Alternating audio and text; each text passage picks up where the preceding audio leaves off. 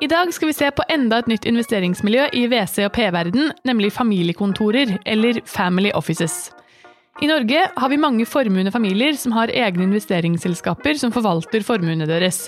En del av disse investerer også i WC og PE, og det er dermed en viktig kilde til kapital og kompetanse for unoterte bedrifter og fond. I dagens episode har vi med Tore Hopen fra Farvatn og Fredrik Dock Nygård fra Års. De skal fortelle mer om hvordan familiekontorene fungerer. Velkommen til en ny episode av Unotert.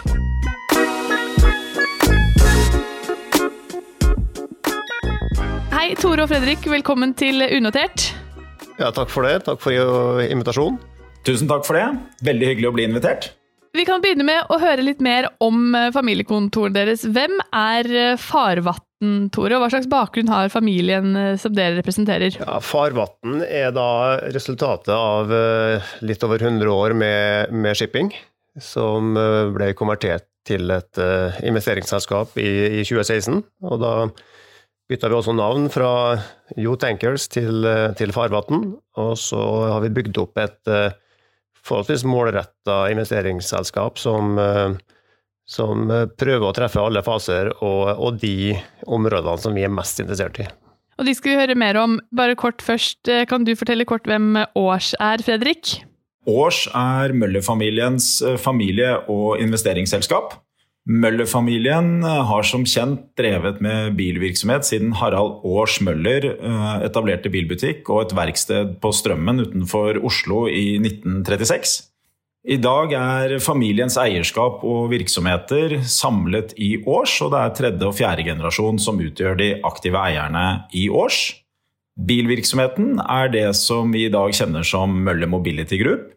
Og familien har over tid eh, også utvidet virksomheten med Møller Eiendom, en betydelig kapitalforvaltning og en rekke andre selskaper, deriblant årsportefølje av direkteinvesteringer som jeg er leder for.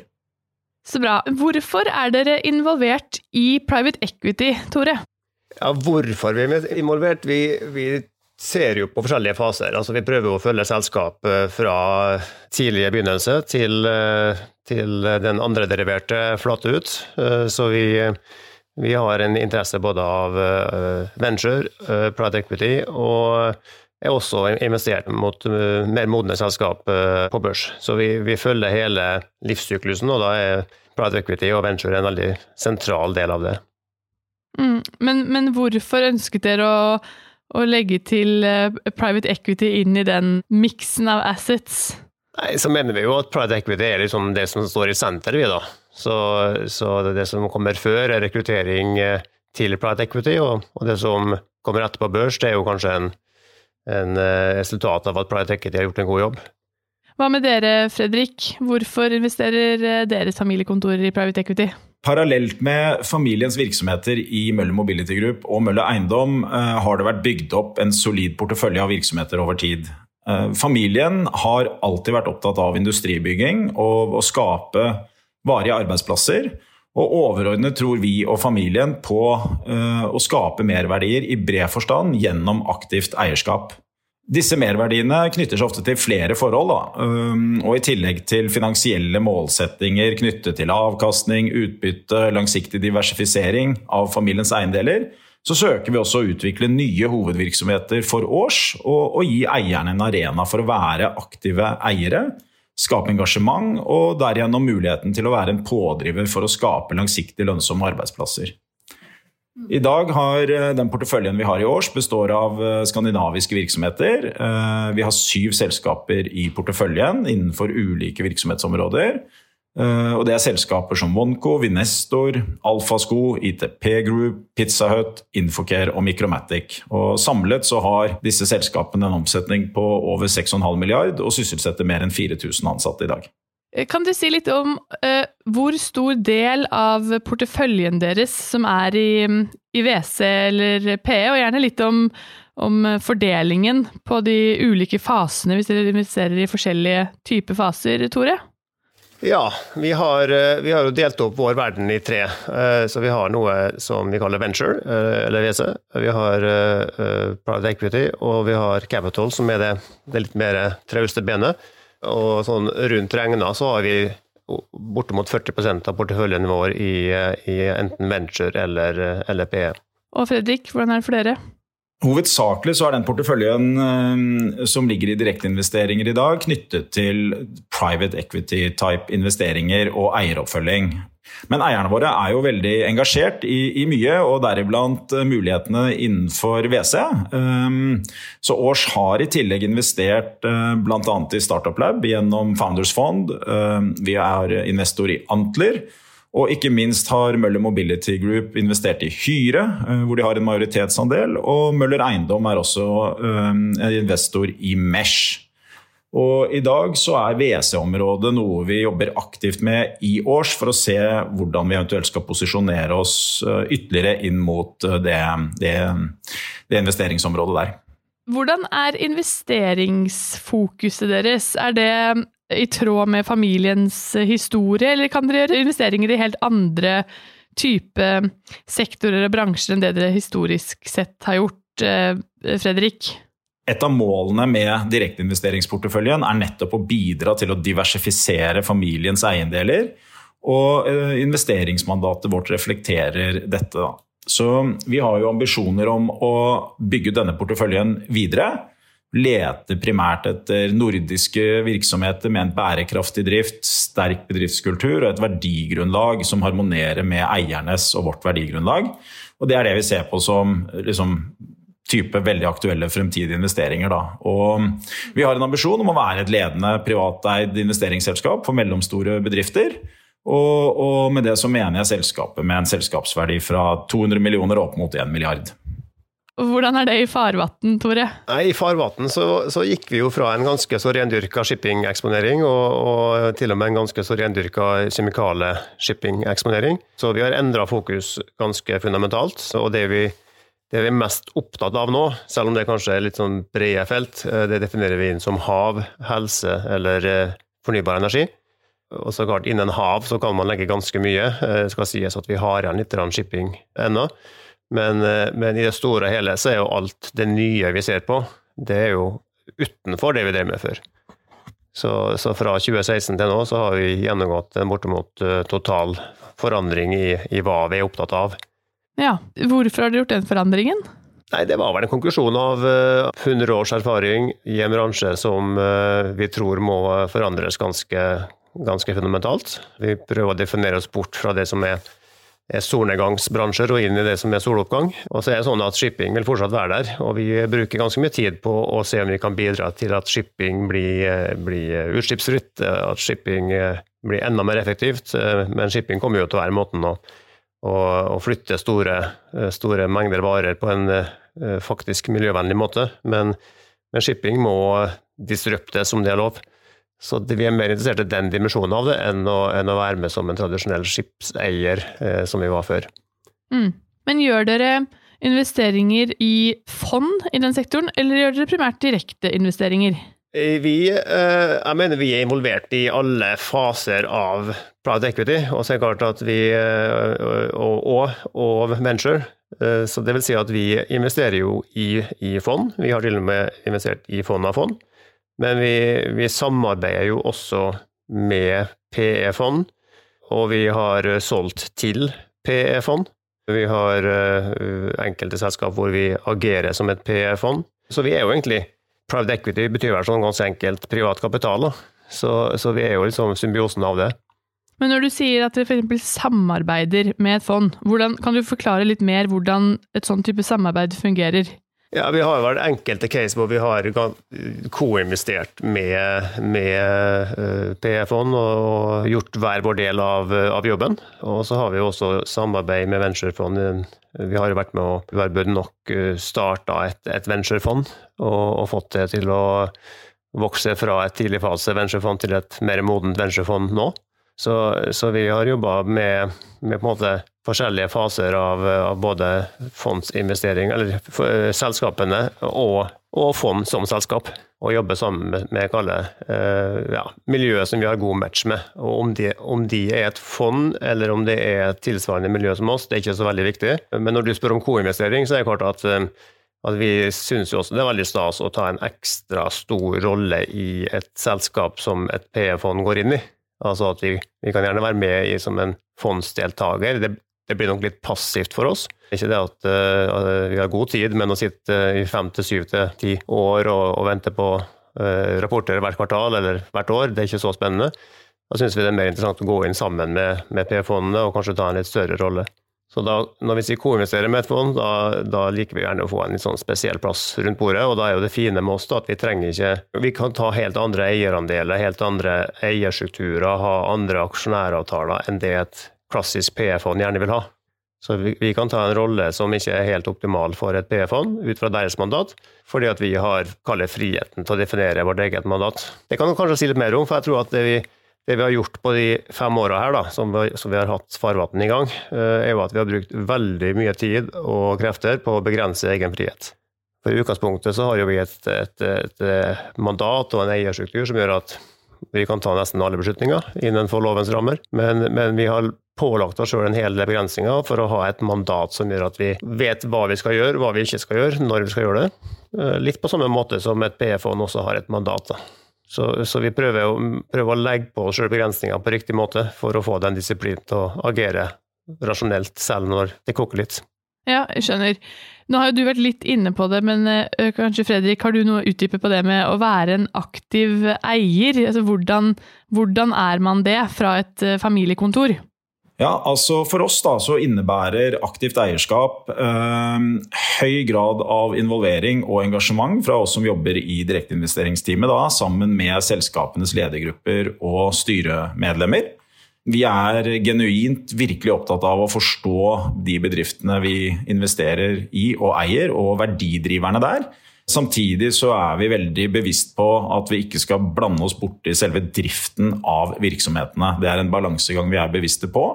Vi har veldig hyppig dialog med ledelsen i selskapene og har definerte eh, både formelle og uformelle prosesser for å følge opp virksomhetene.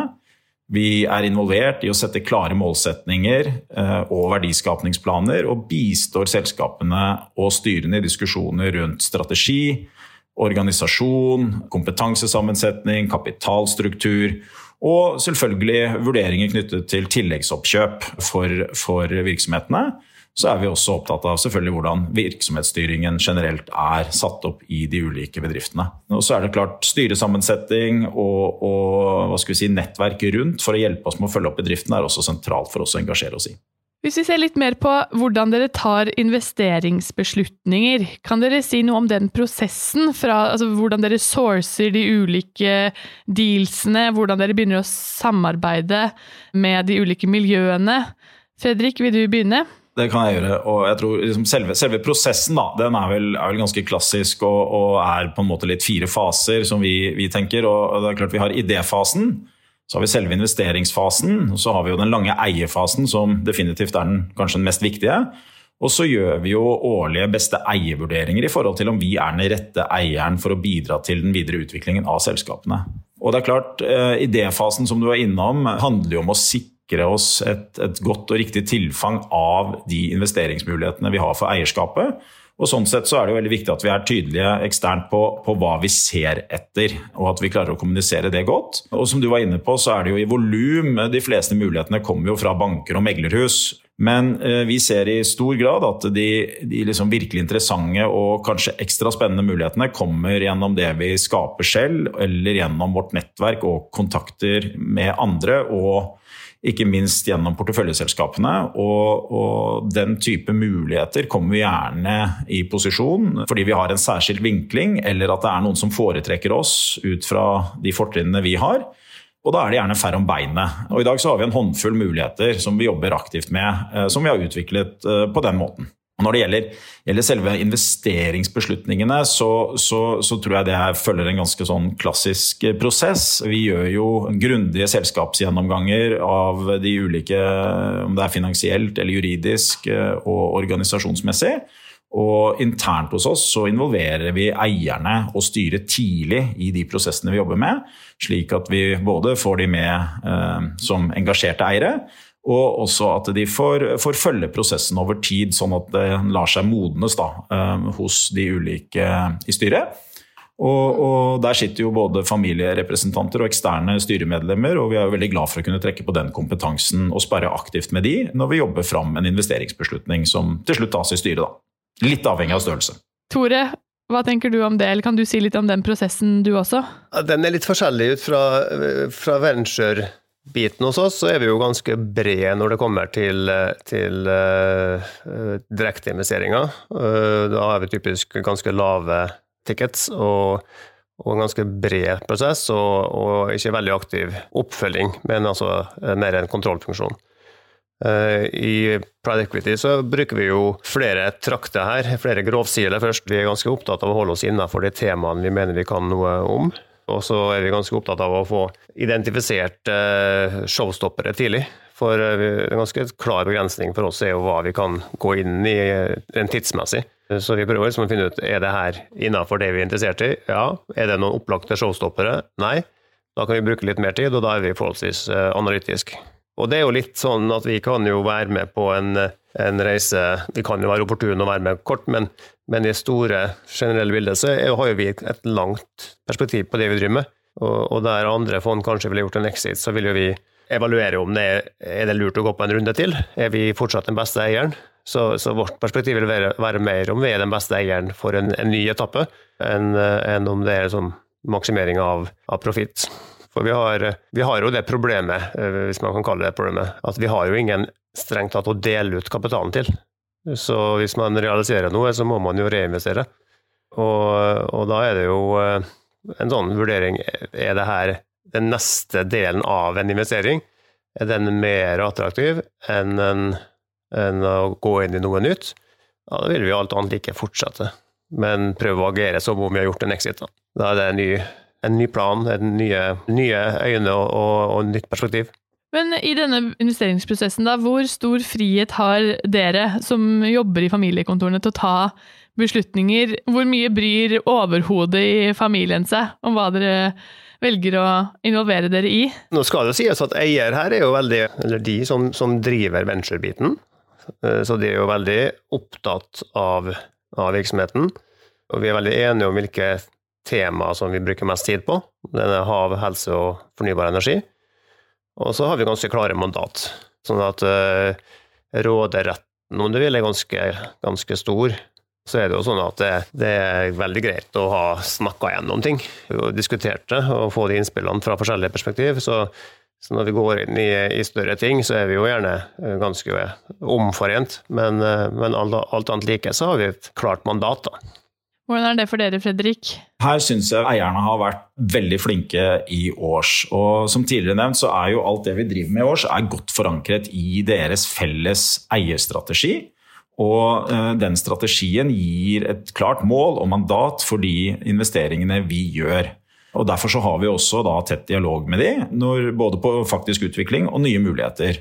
Og jeg vil legge til at altså, Vi er jo så heldige at vi har aktive tredje- og fjerdegenerasjonseiere fra familien som da vi jobber tett med. og De er til stede og involvert og tar et betydelig ansvar sammen med oss. Og deltar i disse beslutningene og sørger for korte beslutningsveier.